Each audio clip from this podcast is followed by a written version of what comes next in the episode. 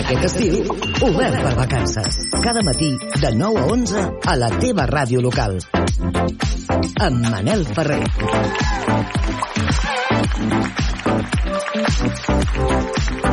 Molt bon dia, bon... Molt bon dia, bon dimecres, ara sí, bon dilluns, o jo ja no ho sé, benvinguts a l'Obert d'avui dimecres 16 d'agost del 2023, dia en el qual hem conegut que les universitats catalanes queden fora de les 200 millors del món per primer cop en 6 anys. La que més s'hi apropava era la Universitat de Barcelona, però que ara cau de les 200 millors i es queda en la franja 201-300. Malgrat tot, la UAB continua sent excel·lent en algunes disciplines i està entre les 50 millors del món en medicina. Pel que fa a les vencedores, Harvard repeteix al capdavant seguida de Stanford i també de l'Institut de Tecnologia de Massachusetts. I avui també hem conegut que Daniel Sancho, l'espanyol acusat d'assassinar i esquartarà Edwin Arrieta durant un viatge a Tailàndia, podria assumir la pitjor de les condemnes. La policia tailandesa determina que el fill de l'actor Rodolfo Sancho va planejar el crim i, per tant, aquest agreujant demanen per ell la pena de mort. Ara caldrà, però, esperar el judici i que es preveu pel pròxim mes de setembre. Si posturea para que el mundo lo vea, que la vida con un filtro no es tan fea. I si bé és cert que no ens trobem en el rànquing de les millors universitats, avui hem descobert que gairebé encapçalem un altre llistat, però no crec que amb el mateix prestigi. Espanya es troba quart en el rànquing de països on més gent mor per fer-se selfies impossibles i que fan perillar la seva integritat física. En els darrers 15 anys s'han registrat més de 500 morts al món per fer-se aquesta classe de selfies. L'edat mitjana de les víctimes és de 24 anys i les tres principals causes de mort han estat caigudes des d'altures, atropellaments i també ofegaments. Tot i que aquest rànquing el lidera Índia, Espanya es troba en una perillosa quarta posició. El segon i el tercer lloc, per cert, l'ocupen els Estats Units i Rússia respectivament.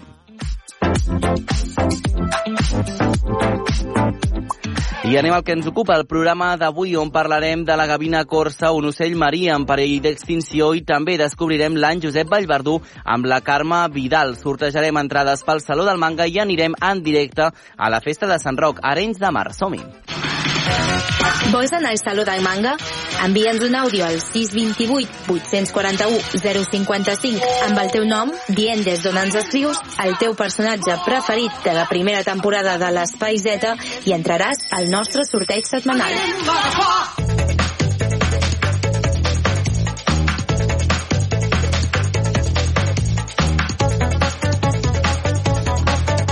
9 i 6, gairebé 9 i 7 del matí. Seguim a l'Obert per vacances en directe. Ja ho sabeu que nosaltres som arreu del territori explicant què passa a la teva ràdio local. Som un altre dia més a Vic i un altre cop amb el nostre company Eudal Puig. Molt bon dia. On ets avui, Eudal?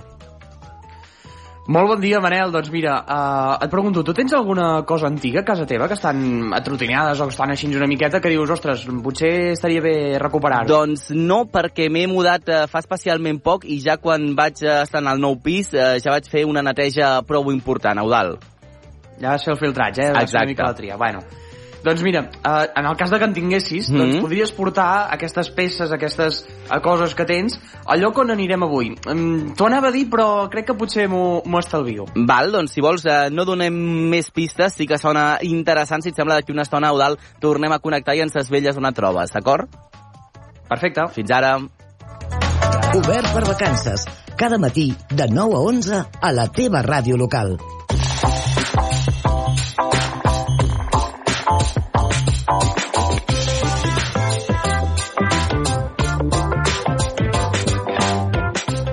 Catalunya és un territori amb una gran diversitat de fauna autòctona, com el famós trencalós i el majestuós duc, però també tenen altres espècies que, tot i no ser originàries al nostre territori, avui en dia són un membre més de la fauna catalana. Aquest és el cas de la gavina corsa, amb una població actual de més de 3.000 parelles. Bon dia, Àngel Hernández.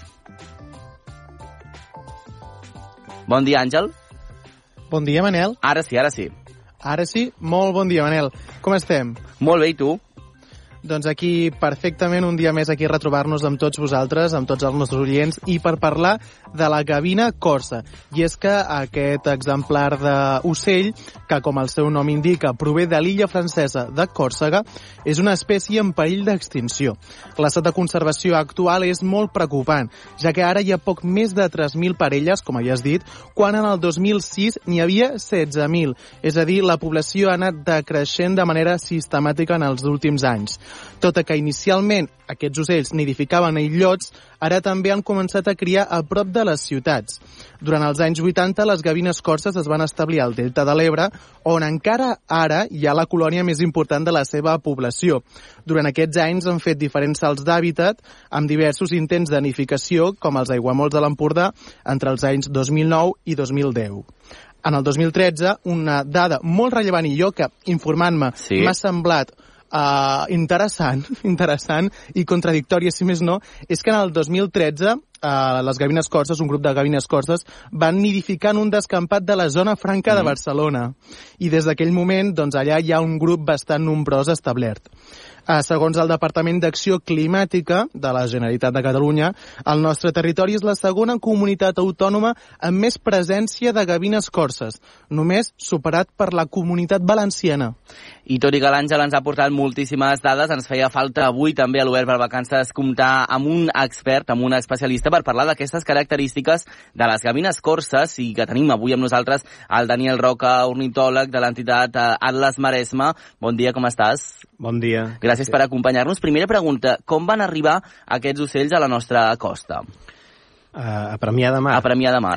Bueno, la gavina corsa és una espècie que habitualment es troba a Catalunya del Maresme cap al sud. Mm -hmm. no, no és estrany que hi hagi ocells en trànsit perquè s'alimenta al mar i eh, realitzen desplaçaments considerables. Llavors, inicialment estava molt centralitzada al delta de l'Ebre, però quan es van establir colònies de cria primer a Tarragona i també a, al port de Barcelona, doncs eh, va augmentar el número d'exemplars no nidificants, però sí que es podien veure eh, pel Maresme, sobretot del Maresme cap a baix. El Maresme cap a dalt és bastant més rara. Uh -huh.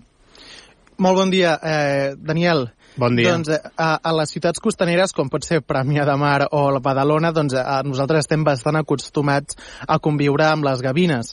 Unes gavines que fins i tot a vegades tenen un mal caràcter. Jo, si em permeteu fer una anècdota personal, jo me'n recordo que quan era petit i estava a, a l'escola de primària, sempre quan acabàvem l'esbarjo, venien totes les gavines a menjar-se els nostres entrepans, les nostres restes, i bueno, doncs és una, és una, una anècdota que, si més no, uh, exemplifica una mica el caràcter d'aquestes gavines. Però uh, la gavina corsa no és la que tots tenim en ment, veritat? Com és aquesta espècie i quin comportament té? Més que res per saber diferenciar-les doncs, els, de les gavines, dels tipus de gavines que hi ha.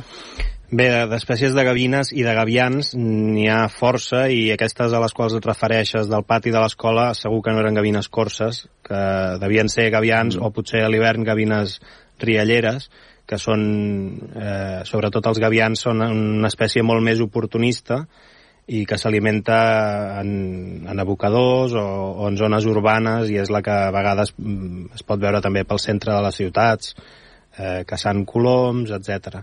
Però la gavina corsa no, la gavina corsa és una espècie estrictament marina eh, que s'alimenta al mar de peix i que normalment no, no, no va a terra endins, sinó que es queda o al mar o a primeríssima línia de la costa. I per distingir-la de, del gavià argentat, que seria l'espècie més comú que tenim aquí, amb la qual potencialment es podria confondre, doncs hem de eh, conèixer algunes característiques, com per exemple, en el cas dels adults, perquè els, els exemplars joves són molt diferents, però en el cas dels adults, doncs, la gavina corsa té el bec vermell, de color vermell corall, té l'ull fosc en comptes de clar, eh, té les potes gris fosques en comptes de grogues, com, com les té el gavià argentat de potes grogues, eh, i algunes altres característiques. És més petita, no és tan corpulenta com el gavià, i per tant, si la, si la coneixes una mica, no és difícil de distingir. Uh -huh. uh, com hem comentat, també aquesta gavina ha anat eh, buscant diferents localitzacions per acabar-se establint. Uh, per què passa això? No acaba de trobar un lloc concret o un lloc que reuneixi totes les condicions per poder-s'hi quedar? No, no, la gavina corsa, eh, com he dit, és una espècie marina que mm. necessita espais sense pertorbacions durant l'època de nidificació perquè posa, fa el niu i pon els ous a terra, i han de ser espais eh, costaners. Uh -huh. Mm, com que tota la costa de la Mediterrània occidental està mm, altament humanitzada, doncs aquests espais són molt escassos i és una de, de les causes principals que, que fan que l'espècie tingui dificultats per, per trobar espais per reproduir-se. Uh -huh. I parlant també de la, de, de la gavina corsa, que és el tema que avui ens pertoca, a quina és la seva posició en la cadena tròfica? És a dir, quins són els seus màxims depredadors i, d'altra banda, doncs, elles de què s'alimenten?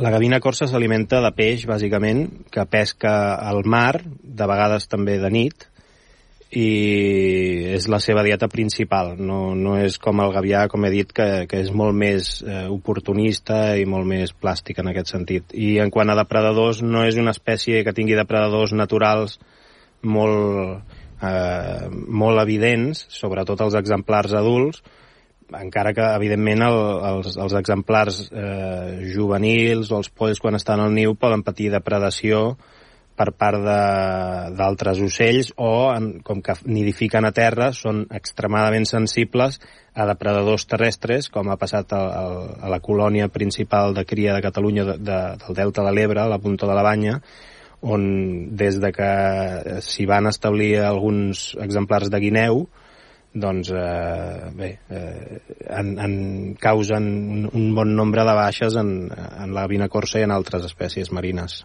Uh -huh. Parlàvem d'aquests de, depredadors eh, naturals, però no sé si hi ha altres elements que poden posar en perill també la supervivència d'aquest tipus de, de gavines, també. Doncs sí, el, el cas de les arts de pesca doncs, poden produir morts accidentals perquè, com passa amb, amb altres espècies d'aus marines, es poden enganxar amb les pròpies arts de pesca al mar o se'ls hi poden clavar ams Uh -huh. i, i causar-los la mort. I això és una de les causes importants de mortalitat d'exemplars de, adults. I després també, Daniel, havies comentat que les gavines corses necessiten un lloc per establir-se per establir-se tranquil. Però, a banda d'aquest factor, quines altres condicions ha de tenir l'ecosistema perquè la gavina doncs, es pugui adaptar de manera satisfactòria?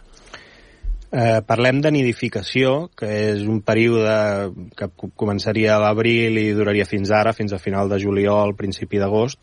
En, aquests, eh, en aquest cas, la gavina corsa busca espais eh, molt propers a la costa i, mm, com que pon els ous a terra, originalment ho feia o en illots rocosos o en, en, en sorrals costaners, com pot ser els de la punta de la banya eh, i el que necessiten no és especial, no són requeriments molt complicats, més enllà de que, evidentment, els espais on nidifica, durant l'època en què hi ha ous i pollets, no poden estar subjectes a pertorbacions com ara gossos, persones eh, corrent per allà perquè és completament incompatible. I aquest és el mm. principal problema perquè la nostra costa està, com sabem, molt ocupada per les activitats humanes. Uh -huh.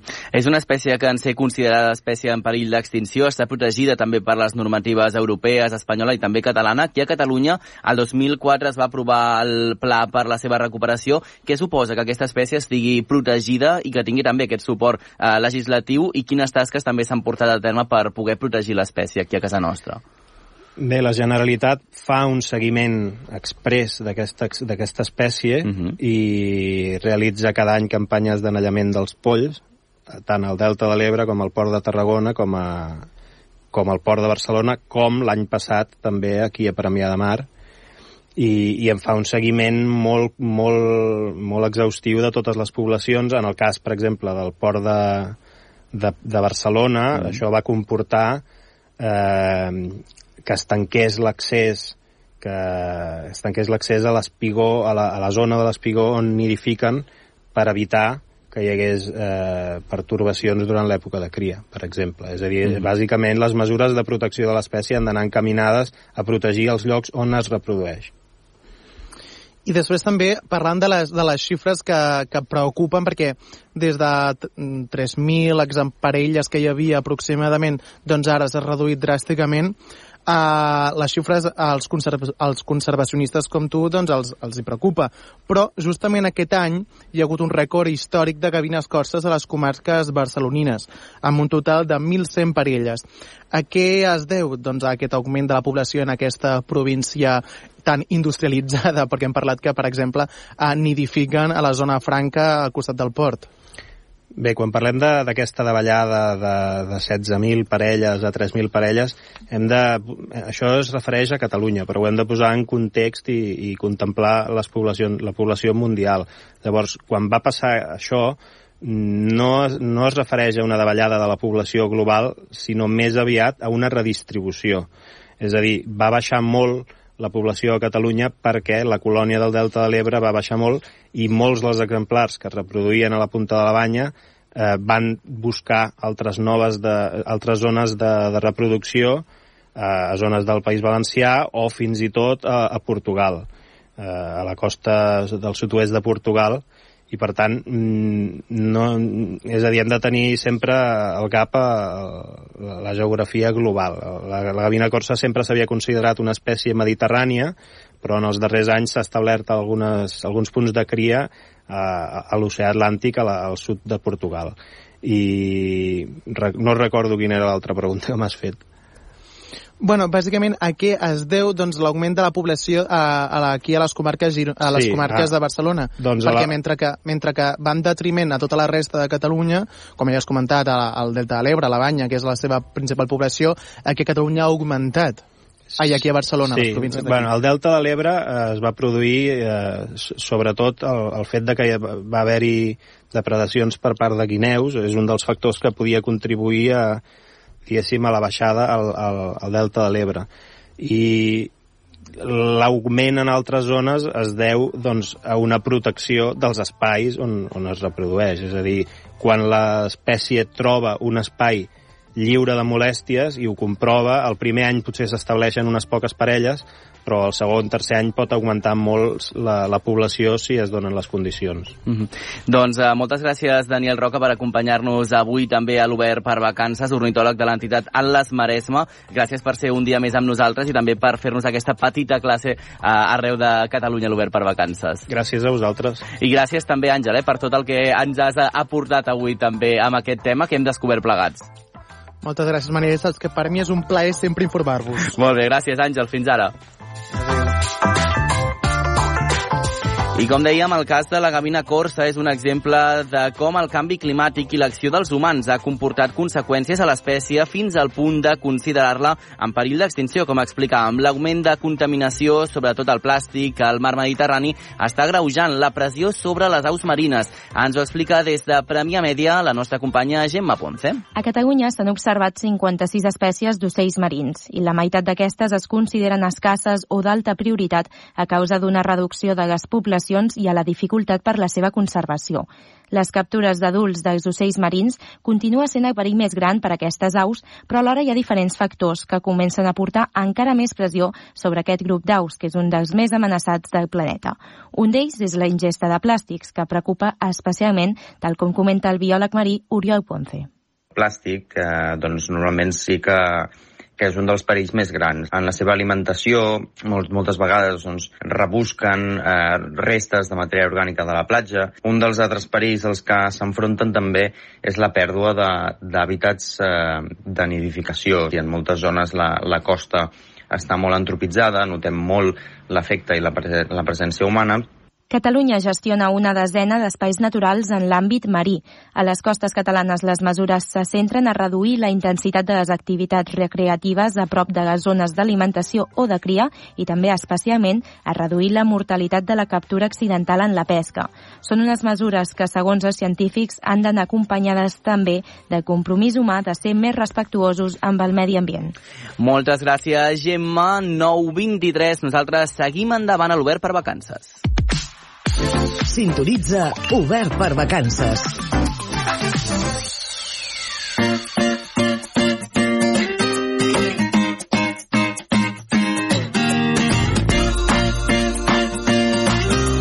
El 9 de juliol del 1923 va néixer a Lleida el Josep Vallverdú, conegut sobretot com a escriptor de ficcions per a infants i joves i també s'ha dedicat a la traducció, l'assaig, la narrativa o el teatre.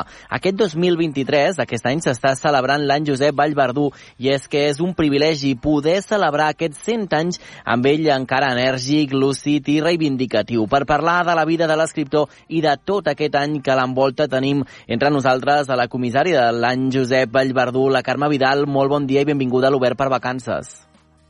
Hola, molt bon dia a tothom. Gràcies per acompanyar-nos i també en aquesta conversa ens acompanyarà el nostre company Pep Morató de l'Espluga FM Ràdio. Bon dia, Pep. Molt bon dia, Manel. Tu et veus arribant als 100 anys d'edat? No ho Però sé, no arribar tinc- de qualsevol manera, eh? No, no, arribar ben arribats amb aquests 100 anys. Ho veig una mica lluny de moment, en tinc 30, encara me'n falten uns quants, però tant de bo, tant de bo arribar com arriba el Josep Vallverdú a aquest eh, centenari, Pep, eh? Sí, sí, així ben actiu, super franc amb el cap. Mm. És que, Carme, és un privilegi, no?, que, que el Vallverdú, el Josep, pugui haver arribat a aquests 100 anys i, i de la manera que, que ho ha fet, no? Mire, mireu, deixeu-me dir que uh, aquest centenari no neix del no-res. És a dir, jo acompanyo Vallverdú des de l'any 80 a l'Institut de les Borges Blanques. Ara en fa 10, a quan en va fer 90. Jo porto el servei editorial de l'Institut d'Estudis Ilardencs, jo n'havia estat directora, i vam convenir eh, de preparar alguna cosa en motiu dels 90 perquè volíem saber com era conegut Josep Vallverdú eh, arreu dels països catalans. I vam preparar un projecte que en vam anomenar, manllevant el títol a Vinyoli, Passeig d'aniversari Josep Vallverdú, Vallverdú al món.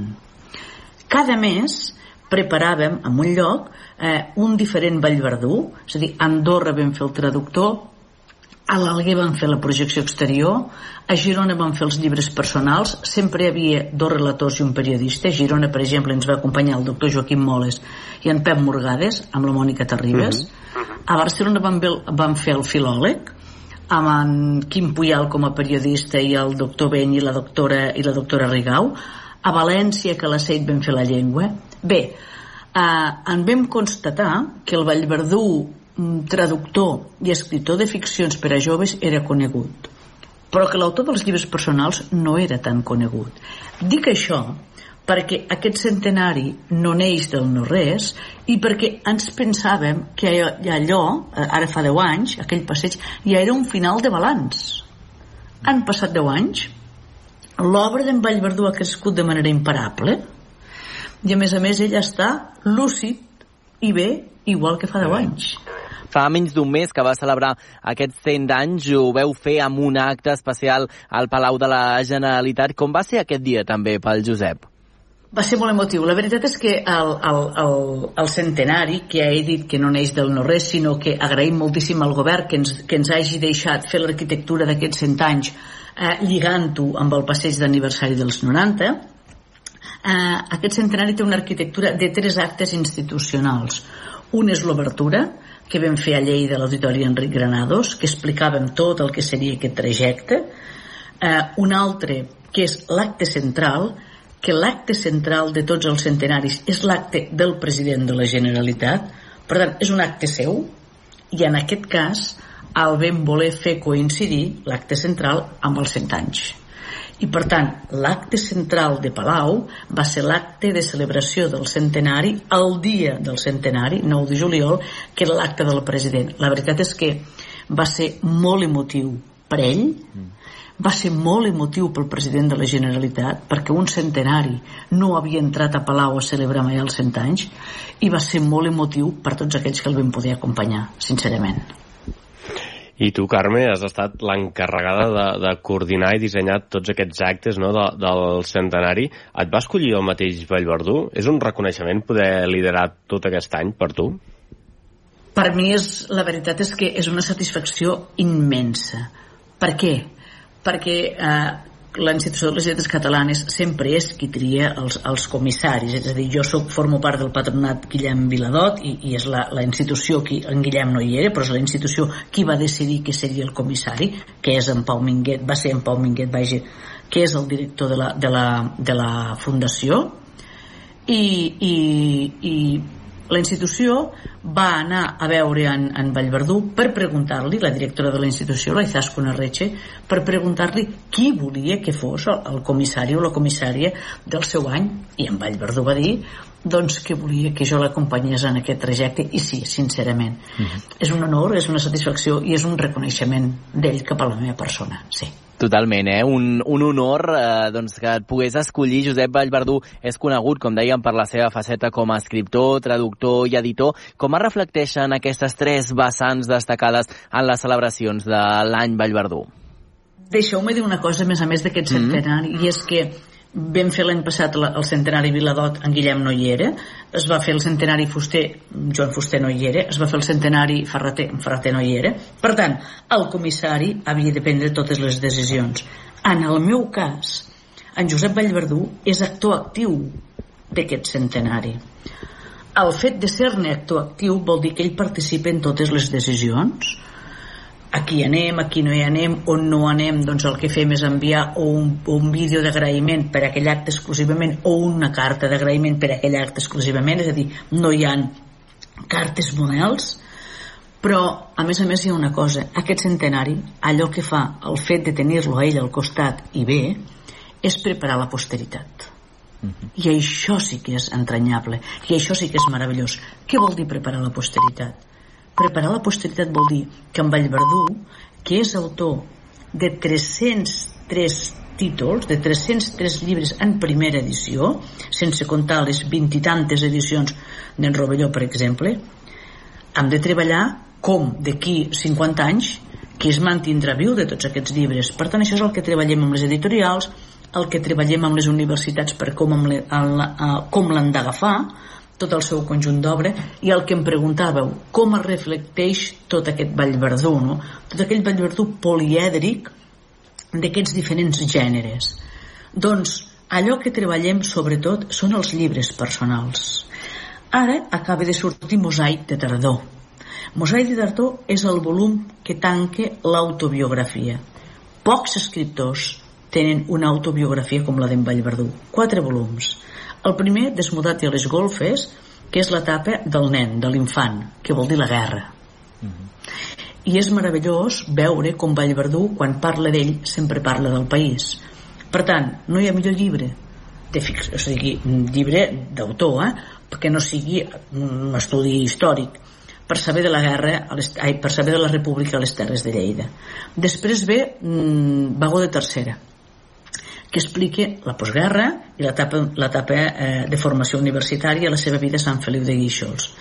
Després ve eh, Garbinada i Ponent, que és allò l'escriptor que decideix que es fa escriptor, que això ho decideix a Sant Feliu de Guíxols, i com encara la seva vida.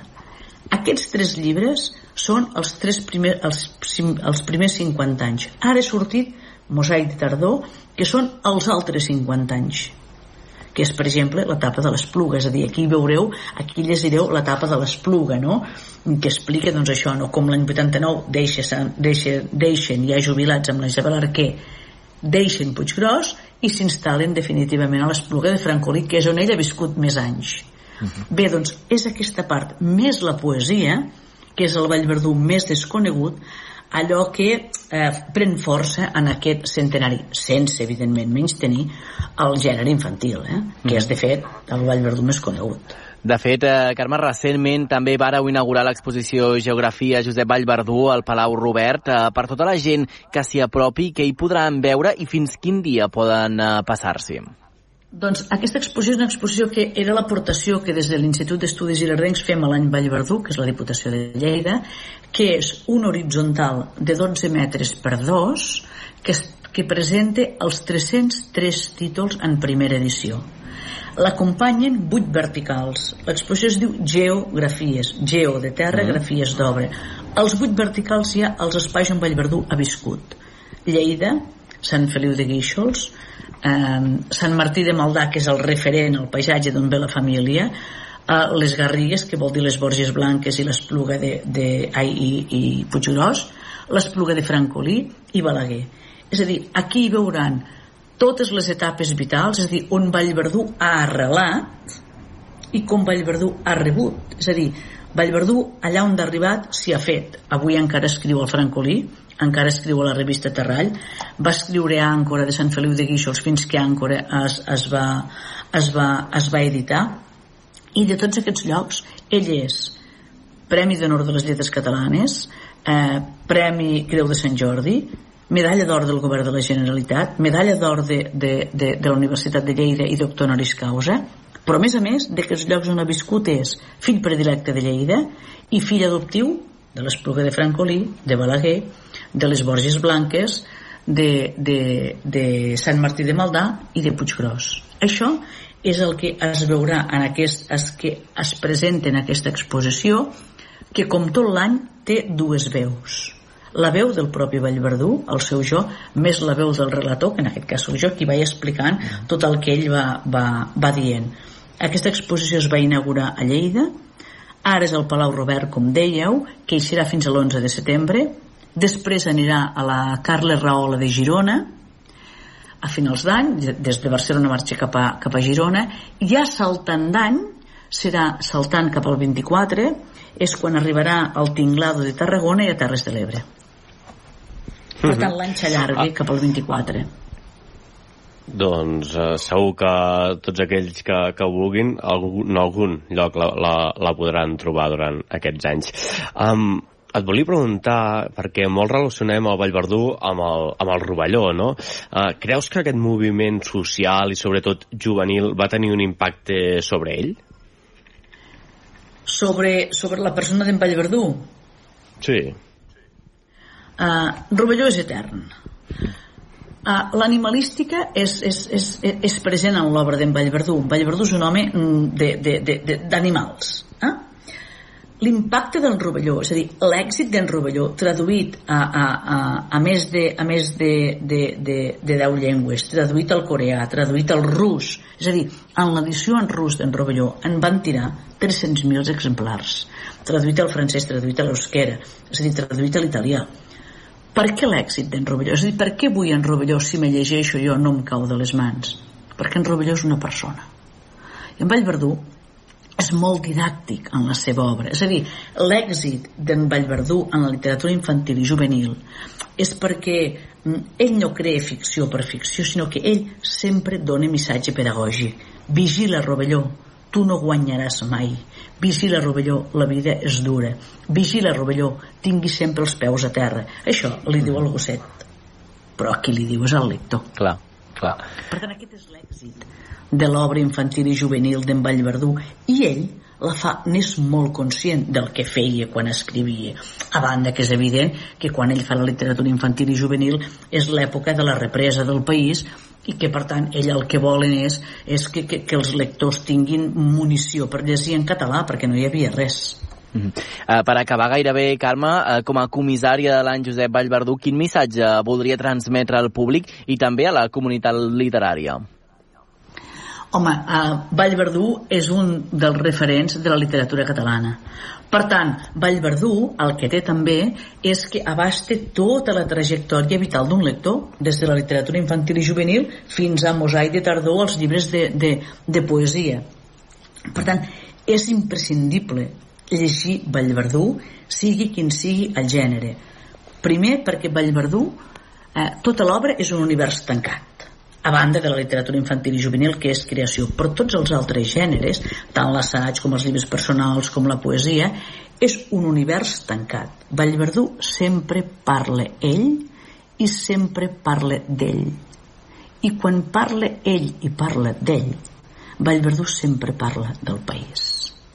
Per tant, en l'obra d'en Vallverdú, el lector sap de l'home, de la seva vida i del país per tant, podem llegir l'obra d'en Vallverdú per saber la història del país, com per llegir el triomf del de, de, de, de, de, de Hitler al poder, poder, podem llegir una princesa a Berlín, doncs en Vallverdú sabem tota la història del país llegint la seva obra, que a més a més és, una, és un escriptor que fa de molt bon llegir. Doncs mira, una recomanació més que assuma també per als nostres oients de l'Obert per vacances i quin goig poder celebrar l'any Josep Vallverdú amb l'escriptor en vida. Moltes gràcies, Carme Vidal, comissària de l'any Josep Vallverdú, per explicar-nos com s'està vivint també aquesta celebració i per passar avui també per al nostre programa. Moltes gràcies a vosaltres, ja ho sabeu el que es convingui. Gràcies i també moltes gràcies al Pep Morató de l'Esplugar FM Ràdio per acompanyar-nos també en aquesta conversa. A tu, Manel.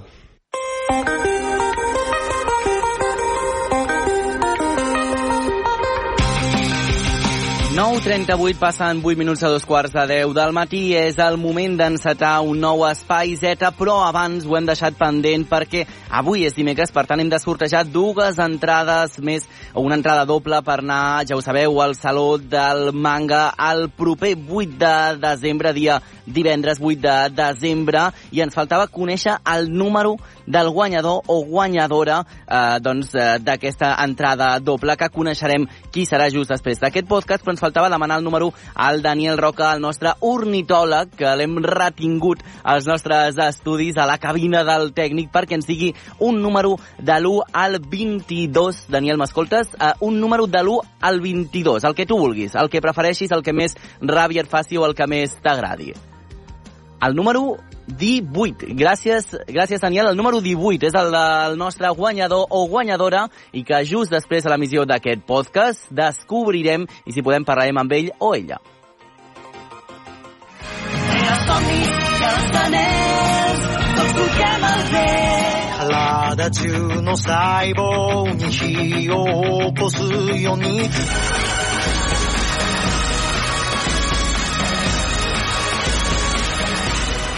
Què és Kimetsu no Yaiba Guardians de la nit? Doncs eh, jo et diria que és eh, tota una experiència audiovisual perquè sí que és cert que és el típic shonen on hi ha uns dimonis que són els antagonistes i uns protagonistes i tal, però eh, suposo que en parlarem eh, entra molt pels ulls tant en quant animació i banda sonora, per tant jo ho definiria com una experiència audiovisual.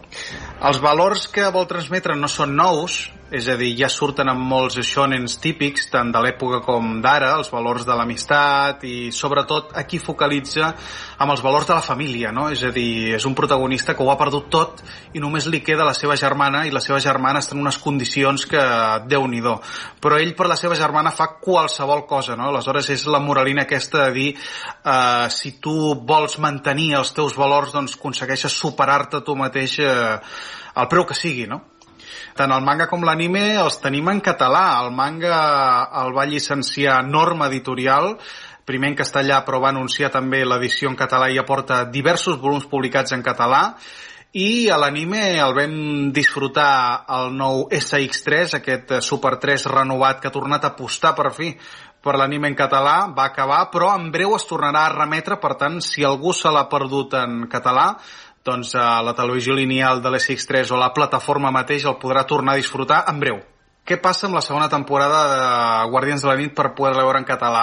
Um, és una pregunta que al podcast ens disparen moltíssimes vegades, tant en els directes com en el podcast d'àudio pur, i és que, clar, l'SX3 és un canal infantil. Aleshores, la següent temporada, que és la segona, doncs passa en un barri vermell, eh, hi ha una connotació de violència i potser de sexualització en diferents punts una mica més elevada, aleshores l'SX3 no ho veu clar.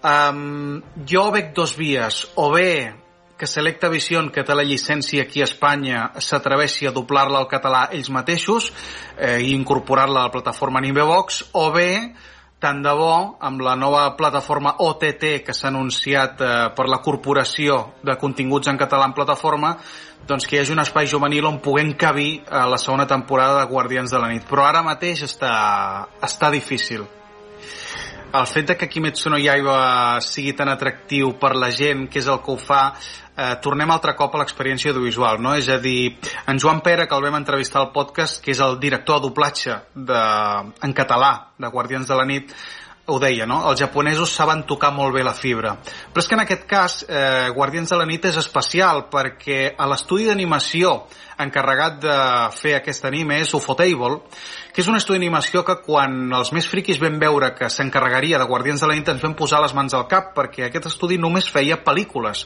Pel·lícules triple A d'animació d'aquestes de eh, pressupost elevadíssim, a cinemes i qualitat supersònica, no? Era la primera vegada que feia com de Chief Animator eh, en una sèrie d'animació. Aleshores, clar, la qualitat d'animació eh, salta a la vista que és qualitat de pel·lícula, és impressionant, no? Però és que, a més a més, la banda sonora. La banda sonora eh, jo sempre he dit que és el 50% o més d'un producte audiovisual. La banda sonora és, eh, toca molt la fibra, és molt bona i clar, si ho juntes tot amb la història de valors i tal, doncs tens eh, una combinació explosiva que fa que amb la promoció que se li ha donat doncs, eh, sigui molt, molt atractiva per, per moltíssima gent. Eh, quina edat recomanaria Guardians de la nit? És una pregunta, potser li has preguntat a la persona menys adequada perquè eh, jo en el podcast sempre m'he manifestat que sóc partidari de que qualsevol cosa la puguin veure a qualsevol edat, és a dir, sempre i quan es naturalitzi, vull dir. Però, si ens centrem una mica amb la línia editorial de l'SX3 i tal i qual, eh, jo la recomanaria jo crec que a partir de 10-11 anys no passa absolutament res, tenint en compte la nostra experiència de la nostra generació, no? que havíem coses pitjors i aquí estem i no passa res. L'únic problema aquí a Kimetsu no Yaiba és quan lluiten amb els dimonis eh, armes blanques i els combats que hi ha. Tot lo de més no deixa de ser una sèrie de, amb un objectiu molt clar, eh, un antagonista molt clar i, i seguir el camí, no? Els meus personatges preferits de Guardians de la Nit. És difícil, eh? A veure, jo tinc clar que de de personatge masculí em quedo, em sap greu amb el Zenitsu perquè està com una cabra, no para de cridar, eh, el, em ric molt amb ell, i sobretot una cosa que m'agrada molt amb els personatges, que és un personatge molt covard, però que quan se li posen els ulls en blanc i entra com en estat eh, catatònic, doncs es transforma i es torna una màquina freda de matar impressionant, no? Eh, tot i que no n'és conscient i em fa molta gràcia. I personatge femení, home, em quedaria amb la Shinobu, la, la Pilar Shinobu, eh, que em recorda molt, molt a la Kikyo de Nuyasha, perquè és la mateixa veu, és la Isabel Valls, té aquesta espiritualitat, aquesta tranquil·litat, eh, tota l'ambientació amb papallones que té al voltant, la trobo molt, molt japonès espiritual, que és eh, el personatge que jo crec que l'han fet expressament, i deixa'm dir un tercer perquè a mi m'agrada molt el, el Musen, l'antagonista. Trobo que és un molt bon antagonista i, i està molt, molt ben aconseguit, té molta substància. Un fan com jo eh, d'aquesta cultura manga-anime sempre et diria primer llegeix el manga i després mira l'anime, no? O sigui, realment eh, hi ha una norma no escrita que si ho vols fer bé s'ha de fer així. Jo no ho he fet sempre així, però diguéssim que quan aconsegueixes primer llegir una sèrie en manga i després veus l'anime, l'anime el disfrutes molt més perquè entens moltes més coses que potser en el manga se t'havien escapat. Eh, veus aquesta transformació que t'havies imaginat tu amb les veus, amb la banda sonora és eh, una experiència més, eh, més profitosa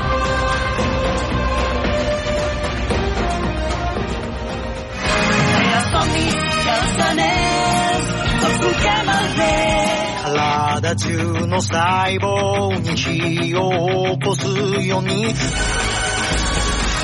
Passa un minut de quarts de 10 del matí, seguim a l'Obert per vacances i després d'aquest espai Z hem de conèixer qui és el guanyador o guanyadora de l'entrada doble per anar al, salló, al Saló del Manga el proper divendres 8 de desembre, cortesia, ja ho sabeu, de l'Obert per vacances. Teníem números de l'1 al 22, el nostre convidat Daniel Roca ens ha dit el número 18 i que correspon a...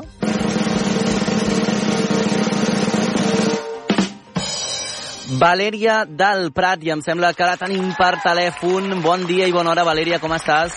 Bon dia, Manel. Escolta, moltes felicitats. Merci, merci. Uh, és la primera vegada que participaves o ja havies participat les anteriors setmanes? No, jo vaig enviar un àudio la setmana passada, no vaig tenir sort i dic, mira, doncs mira. No. Molt bé, molta, molta constància. Quin va ser el personatge que vas escollir de la primera temporada? Doncs mira, la setmana passada vaig enviar el Goku i aquesta al Shinchan. Shinchan, escolta'm, a mi m'agrada com uh, liar-la una miqueta més i jo crec que no et podem regalar aquestes entrades dobles, en el teu cas, si no ens entones encara que sigui un trosset de la tornada de uh, Shinchan, de la sintonia de Shinchan. Què, t'atreveixes per als oients de l'Obert? Vinga, va, vinga, Va. va. Soc graciós, divertit, soc genial i tothom s'enfada molt amb mi. Soc un nervi que no para tot el dia i no deixa d'empipar. Escolta'm, això és perfecte. Valeria, moltes gràcies. Ho has fet perfecte. Aquestes entrades igualment, eh? Feia broma. Haurien anat directament cap a tu, per tant, te'n vas el divendres 8 de desembre cap al Saló del Manga i, per què no, si vols també, doncs, eh, pots fer d'Otaker vestida de Shin-Chan o de qualsevol altre personatge. Et sembla? Jo, jo buscaré disfress, aviam de què, de què em disfresso aquell dia. Molt bé, Valeria, moltíssimes gràcies. Que vagi bé. Fins ara. Adéu, adéu. Sintonitza Obert per Vacances.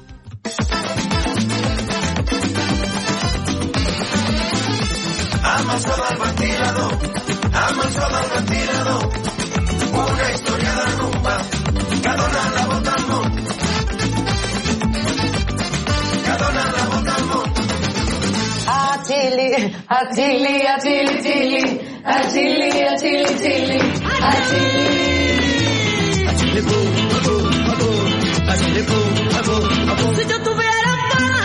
Lauren Postigo, l'any 1978, al programa Cantares de Televisió Espanyola, va entrevistar a Dolores Vargas, la Terremoto. Si yo tuviera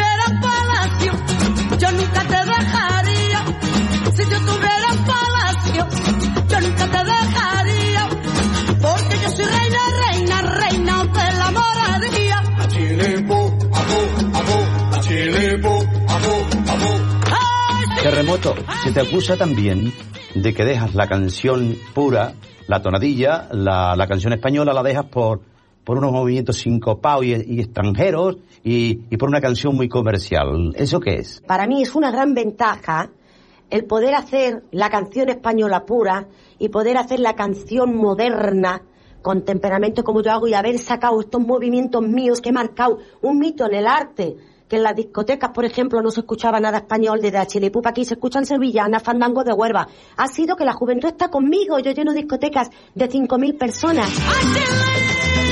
Dolores Castellón Vargas, filla de la Terremoto. Ella tenía un don especial que tenía, estaba así y bailaba y de momento la pierna la tiraba un zapato o, o de la mano la levantaba y la movía hasta... uf. Este movimiento, este movimiento tiene arte, ¿qué está? Ese movimiento tiene arte, pero puede asustar a cualquiera. y Se puede Bueno, creer- lo se bueno puede- es eso, asustar a 10.000 personas y que puede, te aplaudan. puede- puede así hacer la gente pensar de que le vas a pegar una torta. ¿eh? No, hombre, no. Pero y luego también hacer así y tener clase aquí.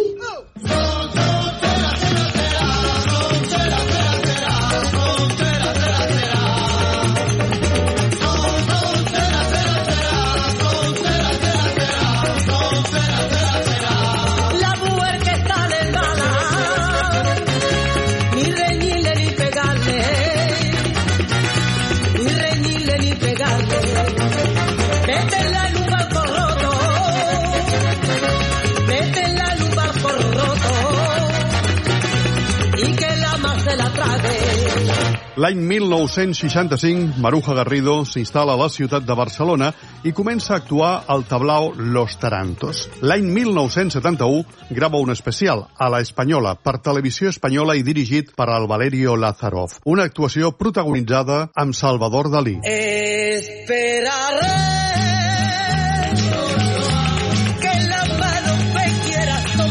fui al, al, al Olimpia, en el 71, la princesa de Dinamarca, Margarita, yo, yo trabajaba un sábado y un viernes me invitó al palacete, una cena.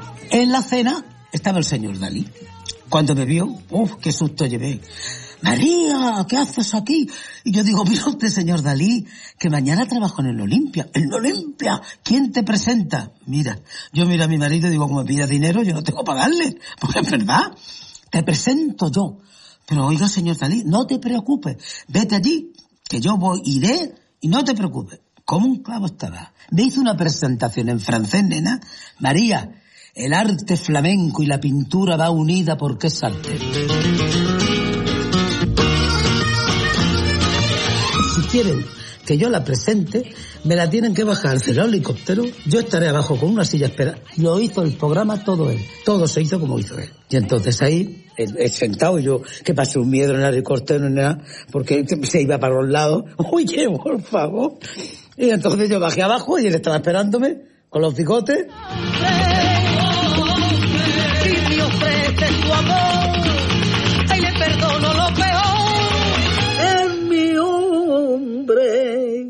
Lo tengo al saber y lo quiero para mí, es mi hombre. Y es así, es mi Macron, un chigolón, pero no importa porque así le quiero yo.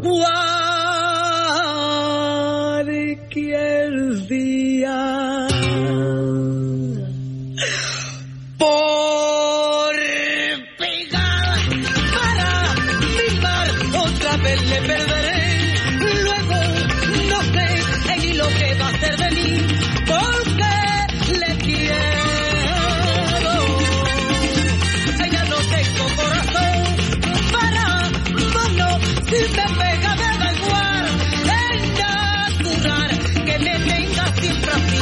porque así le quiero yo a ella no tengo corazón Helena, la primera parella del Gato Pérez, ens explica com van ser els seus començaments. Gitanitos y morenos son los haces del compás. Y en la sangre de sus venas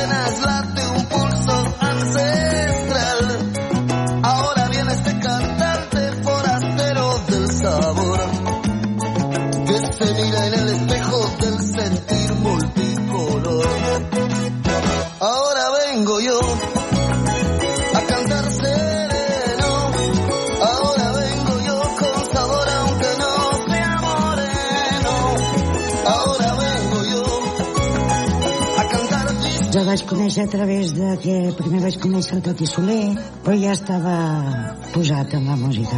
Ja anaves pel carrer amb ell i anava fent compassos i, i a casa venien a assajar músics. Ja començava a fer coses. Li agradava molt la música. Perquè se li veia, se li notava molt que el que més li agradava era això. I llavors, com era una època que érem hippies i, i ens podíem pensar una mica el que volíem fer, doncs va ser de dir, bueno, tu què vols fer? I va dir, mi el que m'agrada és això. Doncs posa-t'hi. I s'hi va posar. Ell no sabia que hi havia uns gitanos a Gràcia, tot això no, no ho coneixia. Però jo sí. I llavors un dia li vaig dir, i què et sembla si anem a conèixer això? Ah, sí? Jo, això? Li vaig dir sí. I vam anar a Gràcia, vam anar al bar dels gitanos, i allà va començar a veure que hi havia i va escoltar també música que no era, tot no era el Peret que també estava molt bé però que hi havia una rumba autèntica d'aquí i aquí és on ho va conèixer. Al principi no, perquè el primer dia que vam anar vam entrar ell i jo i van sortir tots els gitanos perquè eren paios i no ens coneixien i llavors anava així. Però després ja va començar a entrar-hi i a conèixer una mica com anava perquè li va encantar li va agradar molt una mica que eren una gent que, que vivia per això, que els hi sortia de l'ànima. La rumba que coneixem no és de la Xina ni del Japó. La rumba que coneixem Doncs amb aquesta rumba nosaltres marxarem, tornarem d'aquí uns minuts després de les notícies amb més obert per vacances, també amb la nostra cançó de l'estiu. Gràcies per acompanyar-nos a la tornada. Més cançó de l'estiu, més notícies i, com sempre, tot l'entreteniment a la vostra ràdio local. Fins aquí uns minuts.